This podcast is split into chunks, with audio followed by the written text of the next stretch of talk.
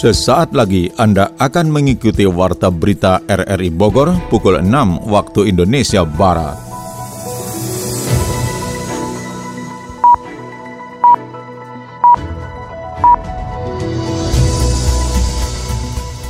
Selamat pagi, Saudara, kita bersua kembali lewat Warta Berita Senin 22 Maret 2021. Siaran ini juga dapat Anda dengarkan melalui audio streaming RRI Play dan juga bisa Anda dengarkan kembali melalui podcast kami di Spotify, Anchor, Podtail, dan Google Podcast. Warta berita RRI Bogor ini juga turut disiarkan Radio Tegar Beriman Kabupaten Bogor. Berikut kami sampaikan berita utama.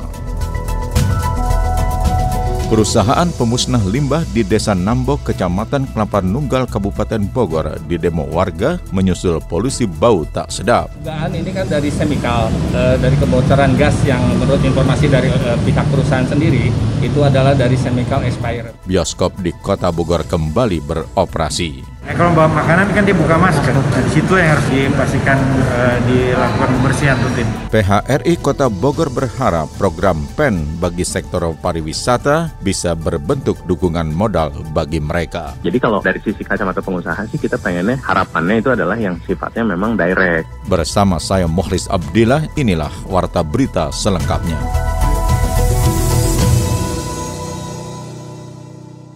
Saudara perusahaan pemusnah limbah di Desa Nambo, Kecamatan Kelapa Nunggal, Kabupaten Bogor di demo warga menyusul polusi bau tak sedap yang mengganggu mereka. Selengkapnya mengenai hal itu dilaporkan Yofri Haryadi.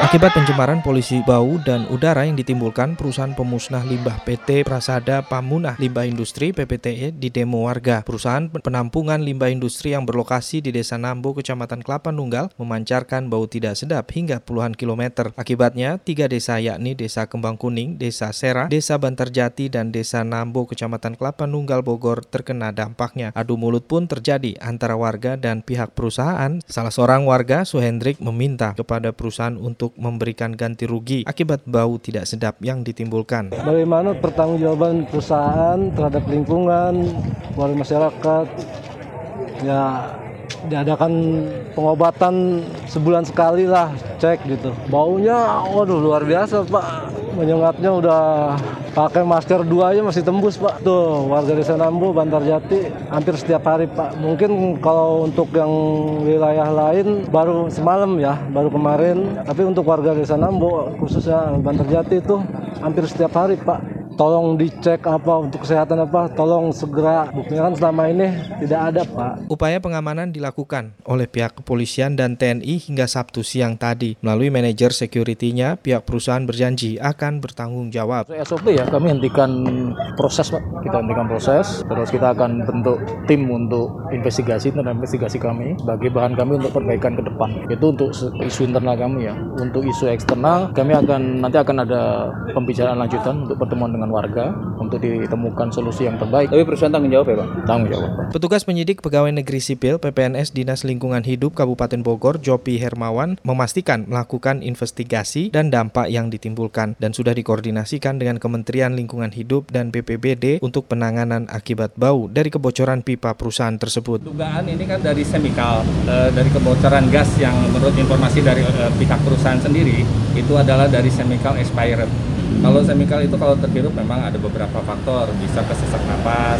paru-paru, atau mungkin bisa berdampak lebih e, kalau memang e, kondisi tubuh kita atau imun kita imun kita tidak kuat. Bisa juga keracunan atau seperti apa. Biasanya semikal seperti itu tapi investigasi lebih lengkapnya nanti akan kita lakukan. Langsung lagi turun ke perusahaan ke lokasi perusahaan untuk melihat lebih jauh. Kami akan turun dengan Kementerian Lingkungan Hidup. Kami sudah koordinasikan tadi dengan Kementerian Lingkungan Hidup. Alhamdulillah. BPBD sendiri siap. Bau tersebut keluar diduga akibat kebocoran pada pipa pengolahan berupa gas metan yang akhirnya terbawa udara dan menimbulkan bau busuk. Masyarakat diminta menjauh dari sumber bau dan menggunakan masker. PHRI Kota Bogor berharap program PEN bagi sektor pariwisata bisa berbentuk dukungan modal bagi mereka. Kita simak catatan Adi Fajar Nugraha. Kebangkitan sektor pariwisata dan ekonomi kreatif dalam skema besar pemulihan ekonomi nasional 2021 telah dibahas oleh Menparekraf bersama Menko Perekonomian. Program ini bertujuan membantu pemerintah daerah serta industri hotel dan restoran yang sedang mengalami gangguan finansial. Insan pariwisata di Kota Bogor pun menyambut baik rencana pemerintah tersebut. Ketua PHRI Kota Bogor Yuno Abetalahai mengapresiasi langkah serius pemerintah dalam upaya memulihkan kondisi pariwisata di Indonesia. Ia mengatakan program PEN bagi insan pariwisata diharapkan dapat berbentuk dukungan modal yang diserahkan langsung kepada para pelaku ekonomi dan pariwisata. Targetnya jika program PEN dapat tepat guna dan tepat sasaran maka setoran pajak daerah pun secara bertahap akan meningkat. Kita sih sebenarnya kalau pemulihan ekonomi harusnya menjadi sebuah capital supporting ya, meskipun kadangkala ya mungkin orang atau pemerintah bisa aja punya kacamata berbeda. Tapi kalau kita memang kalau bicara pemulihan ekonomi nasional kan berarti pelaku ekonomi yang diberi sentuhan langsung. Karena jika ditetapkan direct oleh pemerintah bahwa ini dialokasikan untuk ini, itu kan baru sifatnya kajian dan dugaan. Belum tentu apa yang diharapkan itu kan terjadi terjadi. Tapi kalau kita bicara diserahkan atau digunakan untuk kepentingan pelaku usaha, itu kan jelas. Karena kan kalau pelaku usaha kan konkret, mereka berbuat, terus mereka juga ngasih gift back-nya buat pemerintah, yaitu adalah pajak. Nah, jadi kalau dari sisi kacamata pengusaha sih kita pengennya harapannya itu adalah yang sifatnya memang direct. Pariwisata merupakan sektor yang paling terkena dampak selama masa pandemi. Oleh karena itu, pada kuartal pertama tahun 2021, pemerintah melalui Kemenparekraf merancang program pemulihan berupa stimulus dan sejumlah kebijakan yang meringankan pelaku pariwisata sehingga dapat mendorong dan menunjang perekonomian di Indonesia. Masyarakat Kota Bogor yang selama ini merindukan perfilman yang diputar di pusat-pusat perbelanjaan atau mall kini dapat menikmati kembali hiburan tersebut. Ini menyusul diperbolehkannya kembali sejumlah mall di Kota Hujan mengoperasikan kembali bioskop yang lebih kurang satu tahun tutup menyusul status pandemi COVID-19 yang hingga kini belum dicabut. Terkait itu, Wali Kota Bogor Bima Arya kemarin meninjau bioskop yang ada di salah satu mal di kawasan Tajur. Ia melihat dari dekat bagaimana protokol kesehatan atau prokes diterapkan secara ketat di gedung bioskop yang penontonnya dibatasi 50% dari kapasitas gedung. Kepada pengelola bioskop, Bima meminta prokes betul-betul diperhatikan guna menghindari penyebaran dan penularan virus corona. Misalnya dengan memastikan para penonton tidak melepas masker selama menikmati pertunjukan atau tontonan di gedung bioskop, kemudian melakukan secara rutin disinfektan di dalam gedung bioskop, terutama di bekas tempat duduk penonton, sehingga prokes baik bagi penonton maupun gedung bioskop itu sendiri senantiasa terjaga. Lebih kepada pengaturan kepada makanan ya, kan ketika di dalam otomatis kalau makan orang buka masker, saya itu diperhatikan aja disinfektan harus rutin. Bekas orang itu kan ya harus dibersihkan. Nanti ada duduk lagi di tempat situ itu harus dibersihkan. Apalagi kalau dia bawa makanan segala macam. Eh kalau bawa makanan kan dia buka masker. Nah, di situ yang harus dipastikan uh, dilakukan pembersihan rutin. Saat melakukan peninjauan bioskop kemarin, Bima melihat sudah mulai ada pengunjung tetapi belum normal, bahkan belum sampai setengahnya. Prokes yang dijalankan juga sudah baik dan ini merupakan tahap awal di mana penting bagi karyawan bisa masuk dulu alias bekerja sehingga pengoperasiannya bisa ikut mendongkrak pertumbuhan ekonomi di Kota Bogor.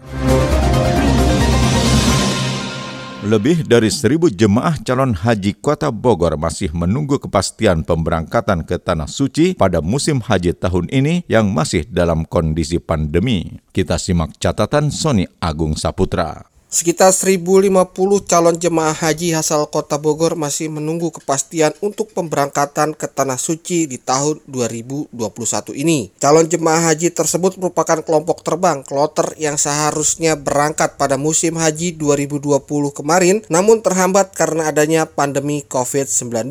Hingga saat ini pemerintah Saudi Arabia dan Indonesia masih terus memperhatikan perkembangan pandemi COVID-19 di seluruh dunia sehingga berhati-hati dalam pengiriman jemaah haji musim ini. Ketua Forum Komunikasi Kelompok Bimbingan Ibadah Haji dan Umroh Kota Bogor Asep Abdul Wadud mengungkapkan saat ini masih menunggu adanya keputusan resmi tentang berbagai hal terkait pemberangkatan calon jemaah haji tahun 2021.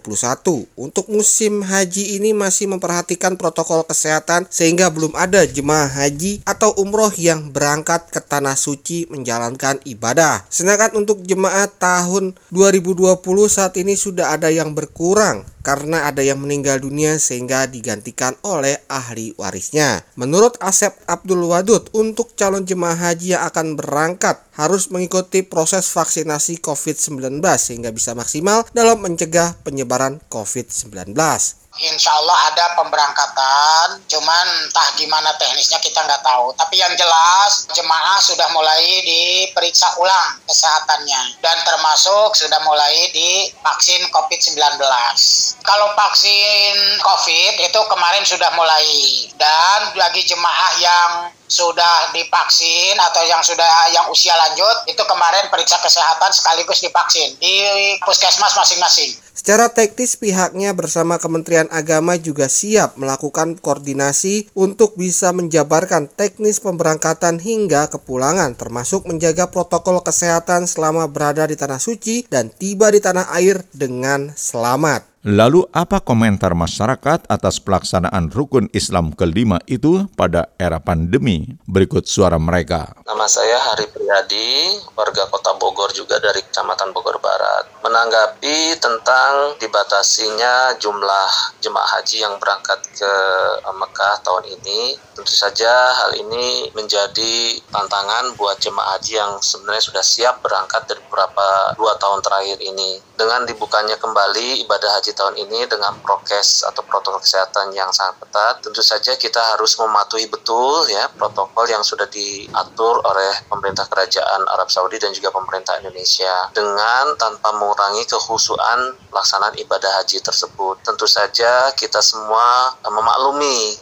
kerinduan kita semua untuk berangkat ke Mekah dan Madinah. Tetapi tentu saja kita harus patuh karena ini masa pandemi ya. Kita harus patuh juga terhadap peraturan yang diterapkan oleh pemerintah Kerajaan Arab Saudi dan juga pemerintah Indonesia agar para jemaah yang akan berangkat melakukan ibadah ini benar-benar disiplin menerapkan protokol kesehatan dan juga makan makanan yang sangat bergizi. Kalau perlu bawa vitamin-vitamin ya yang bisa dibeli di tanah air begitu sehingga kita diberikan kesehatan selama dalam perjalanan ibadah haji tersebut. Dan bagi jamaah yang belum bisa berangkat, harap bersabar. Allah Maha mengetahui niat ibadah haji sudah dicatat oleh Allah Subhanahu wa taala dan insya Allah itu merupakan apa namanya sudah dicatat kebaikan Bapak Ibu semuanya.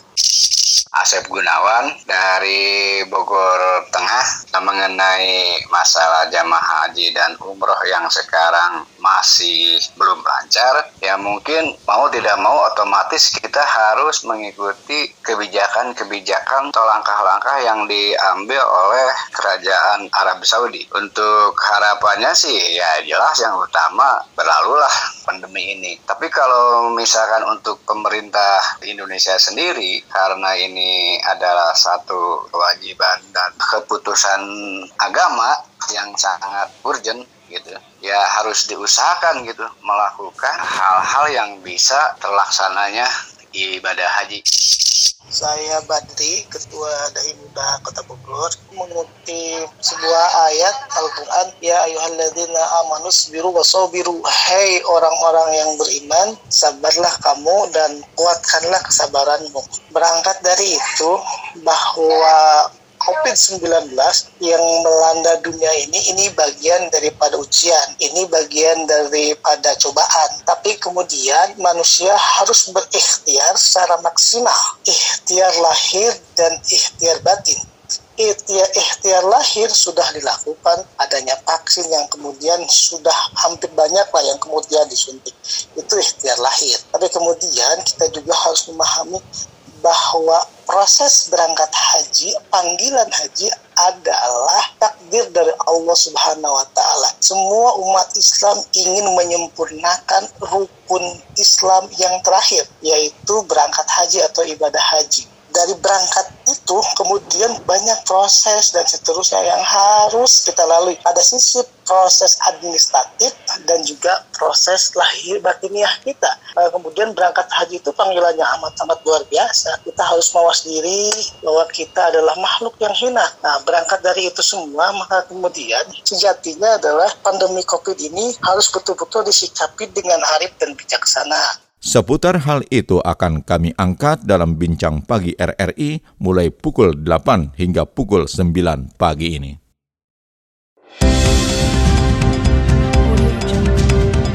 Anda tengah mendengarkan warta berita dari Radio Republik Indonesia Bogor.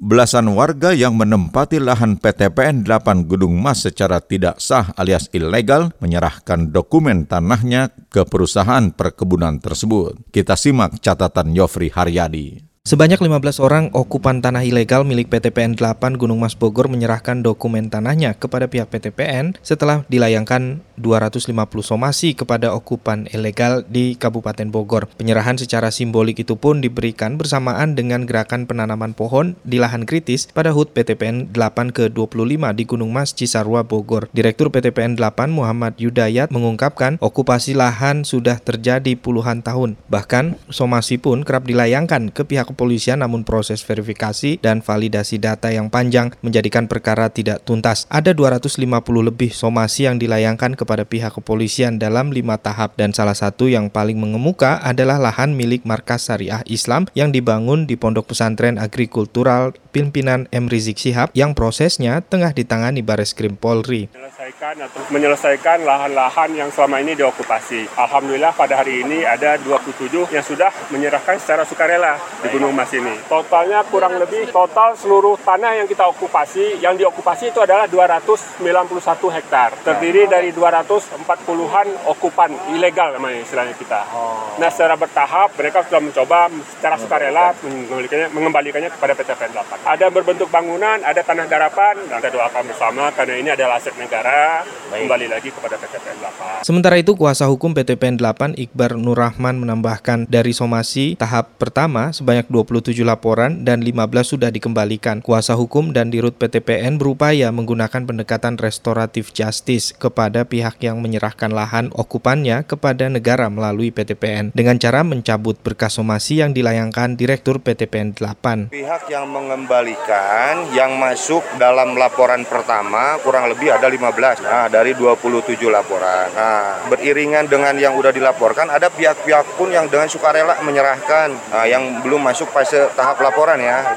Makanya kami sangat apresiasi terhadap pihak-pihak tersebut ya. Yang kami uh, himbau semua pihak yang sudah menerima somasi dari pihak PTPN mohon untuk dengan sukarela menyerahkan uh, masuk pidana dan mungkin ada kurang lebih uh, lima pihak yang tidak kooperatif dalam masuk tahap pertama laporannya. Itu akan masuk e, ditindaklanjuti mungkin akan dilanjutkan. Hal-hal yang kooperatif pun kita akan mengupayakan untuk mencabut laporan. Salah seorang di antaranya Haji Jafar Sidik, warga desa Sukamanah Megamendung Bogor yang mengembalikan 9.000 meter persegi tanahnya kepada PTPN. Dari lahan 9.000 meter persegi tersebut menjadi kebun dan dibangun tempat tinggal. Setelah kita mendapatkan somasi, eh, kita bukan menyerobot lahan PTPN, mohon maaf. Kita juga dapat dari oper alih ya, dari pihak-pihak penggarap sebelumnya. Mungkin kita yang menguasai terakhir, sehingga kita disomasi eh, ketemu dengan pihak lawyer dari PTPN. Kita juga dipanggil oleh Polda Metpolda Jawa Barat. Alhamdulillah kita jelaskan dan akhirnya sampailah kepada titik bahwa kita secara sukarela karena kita juga lahan mungkin lahan PTPN kita kembalikan kepada PTPN. Ada 291 hektar tanah dari 1623 hektar tanah milik PTPN 8 di Gunung Mas Bogor diokupasi secara ilegal oleh para calo. Jumlahnya ratusan bidang dengan berbagai macam dokumen yang sejatinya akan bermuara pada izin HGU PTPN 8. Pandemi COVID-19 yang membawa dampak pahit terutama terhadap kesehatan dan perekonomian masyarakat nampaknya membawa dampak positif terhadap kenakalan remaja. Dari catatan Dinas Pendidikan Kota Bogor yang membawahi Satgas Pelajar misalnya, selama pandemi Kota Bogor yang kerap diwarnai tawuran pelajar kini sepi dari kasus tersebut. Kepala Disdik Kota Bogor Hanafi menuturkan, meski sepi dari kasus tawuran pelajar, namun antisipasi dari pihak berkepentingan terhadap kasus itu harus tetap diantisipasi. Terkait itu, Disdik setempat pekan kemarin menggelar workshop Satgas Pelajar di salah satu hotel di kawasan Paledang, Bogor Tengah Tengah. Kegiatan selama dua hari itu diikuti antara lain unsur kepolisian, kantor Kementerian Agama, Dinas Sosial, dan Disdik sendiri dengan menghadirkan para kepala sekolah SMP dan SMA serta SMK. Menurut Kadisdik Kota Bogor Hanafi, kegiatan tersebut bertujuan untuk menyamakan langkah ke depan dalam penanganan kasus tawuran pelajar yang banyak melibatkan siswa SLTA. Ini tegasnya harus ada langkah bersama meski SMA dan SMK sekarang ini di bawah pengelolaan Disdik Provinsi Jawa Barat. Tujuannya itu nyamakan langkah. Dalam perjalanan juga regulasi dulu SMA SMK itu dikelola oleh Bupati Wali Kota, sekarang enggak oleh gubernur, aparat provinsi yang ada di sini. Sehingga kadang merubah merubah persepsi. Nah, kita sekarang kita samakan lagi. Betul memang secara administrasi, manajemen, pengelolaan. Tapi ketika bicara kewilayahan terkait dengan keamanan, terkait dengan dan macam-macam ketentraman yang dibutuhkan oleh masyarakat, tentu Eh, tidak bicara kewenangan manajemen orang provinsi atau orang kabupaten kota itu selalu sama satu itu kemudian kita juga meminta kepada orang tua orang tua dari aspek pembinaan dan sebagainya Sementara itu, Wali Kota Bogor Bima Arya menegaskan koordinasi dengan kelurahan dan kecamatan juga harus dilakukan disdik dengan mendalami profil sejumlah sekolah. Dari sana akan menghasilkan rencana-rencana strategi atau renstra untuk mendalami akar persoalan sekaligus memecahkan permasalahannya. Satgas Pelajar tambah Bima harus konsisten membangun sistem sehingga tidak bergantung pada pimpinan. BPBD Kota Bogor mengambil peran penanganan COVID-19 di lingkungan terkecil masyarakat. Adi Fajar Nugraha menurunkan catatannya. Pemerintah Kota Bogor terus memaksimalkan peran seluruh perangkat dalam penanganan COVID-19. Di masa penerapan PPKM berskala mikro, BPBD Kota Bogor yang menjadi anggota Satgas COVID-19 terus bergerak cepat menyentuh hingga ke lingkungan terkecil masyarakat dalam upaya penanganan dan pencegahan COVID-19. Kepala Pelaksana BPBD Kota Bogor, Theo Patro Cinio, mengatakan seluruh personel telah disiapkan di seluruh lingkungan masyarakat untuk melakukan penanganan jika terjadi kasus positif. Peran BPBD dalam PPKM berskala mikro mendukung perlengkapan yang dibutuhkan dalam penanganan kasus COVID-19. Peranan BPBD di dalam penanganan COVID ini, khususnya kalau di PPKM yang diterapkan di mikro di kelurahan kecamatan tingkat RW RT, kita di seksi perlengkapan mendukung semua semua perlengkapan contoh misalnya kami kalau terjadi adanya yang tertular atau terkonfirmasi nanti perlengkapan di BPBD seperti masker, hand sanitizer ataupun inspektan kita steril area di seputaran situ. BPBD bersama Satgas COVID-19 tingkat RW pun secara masif melakukan pengawasan terhadap masyarakat guna memastikan prokes dijalankan dengan baik. Pemkot Bogor juga terus memasifkan kampanye dan edukasi vaksinasi bagi masyarakat melalui Satgas di masing-masing wilayah guna mempercepat terbentuknya herd immunity di Kota Bogor. Taman Safari Indonesia TSI akhirnya memproses hukum terhadap pelaku pelempar botol plastik ke mulut kuda Nil yang viral di media sosial. Meski telah meminta maaf dan menyesali perbuatannya, proses hukum ternyata masih terus berlanjut. Kapolres Bogor AKBP Harun menuturkan, meski masuk dalam delik penganiayaan ringan KUH pidana pasal 302 dengan ancaman 3 bulan penjara, hal itu harus menjadi pelajaran agar perbuatan serupa ke depan tidak lagi terjadi. Pihak TSI ujarnya masih melanjutkan proses hukumnya hingga ke pengadilan. Ini kan kita masih memproses yang bersangkutan tersangka ini. Masih kemarin sudah dari pihak yang nyuting apa yang ngambil gambar juga sudah kita periksa semuanya. Hmm. Sudah kita periksa. Kelengkapan terakhir nanti dari eh dari dokter juga sudah kita dapatkan. Nanti kita proses secepatnya untuk bisa langsung mendapatkan kepastian hukum oh, di sana. Iya dari pengadilan. Nanti yang memutuskan berapa dendanya kalau secara aturannya kan memang ada tapi kan kecil. Hmm. 4 ribu sekian itu kan. Nah, tapi nanti yang memutuskan adalah dari pengadilan. Berapa hmm. berapa hukumannya, dendanya berapa, nanti pengadilan yang yang akan memutuskan. Perbuatan yang sempat viral beberapa waktu lalu kemudian diproses hukum itu dilakukan ke 58 tahun warga Bandung. TSI sendiri telah mengonfirmasi kuda Nil bernama Ari berusia 11 tahun itu dalam kondisi sehat dan tidak mengeluarkan kotoran berupa botol plastik yang ditelannya. Dari rekaman CCTV menunjukkan secara jelas K sengaja melakukan perbuatan tersebut dan direkam kamera pengunjung lainnya sehingga viral. Tiga kota di Jawa Barat menjadi lokasi turnamen Praprov Junior yang digelar Persatuan Bulu Tangkis Indonesia PBSI Kabupaten Bogor. Catatan olahraga tersebut selengkapnya disampaikan R. Melinda. Persatuan Bulu Tangkis Seluruh Indonesia PBSI Kabupaten Bogor akan menggelar turnamen Praprov Junior 2021 antar wilayah di tiga kota. Pada bulan Mei digelar di Kabupaten Bogor, September di Tasikmalaya, dan Desember di Bandung. Ketua PBSI Kabupaten Bogor Dedi Budi mengatakan Kabupaten Bogor akan menjadi tuan rumah gelaran tersebut untuk wilayah satu yang terdiri dari Kota Bogor, Kota Depok, Kota Sukabumi, Kabupaten Cianjur, Kabupaten Sukabumi, dan Kabupaten Bogor. PBSI Kabupaten Bogor telah menjaring 20 atletnya untuk menghadapi event tersebut. Kebetulan kami sudah menjaring 20 atlet anak-anak dari usia pemula sampai kepada taruna yang nanti dipersiapkan untuk di prop antar wilayah.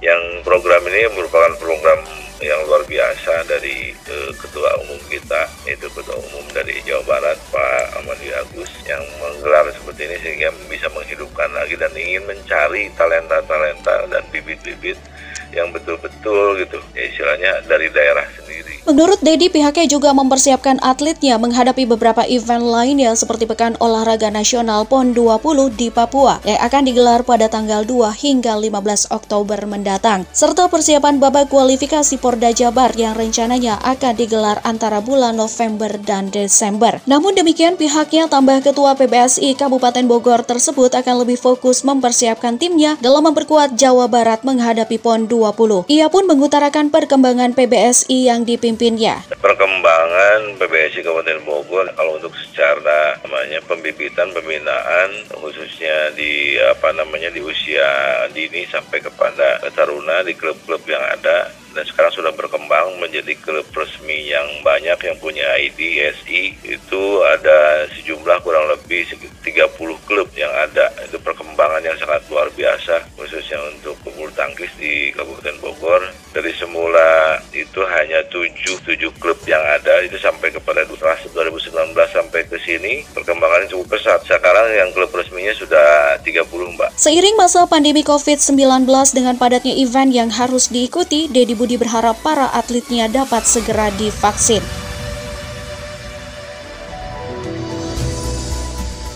Saudara, informasi olahraga tadi sekaligus mengakhiri warta berita pagi ini. Sekali lagi kami sampaikan berita utama. Perusahaan pemusnah limbah di Desa Nambok, Kecamatan Kelapa Nunggal, Kabupaten Bogor, di demo warga menyusul polusi bau tak sedap bioskop di kota Bogor kembali beroperasi. PHRI Kota Bogor berharap program PEN bagi sektor pariwisata bisa berbentuk dukungan modal bagi mereka.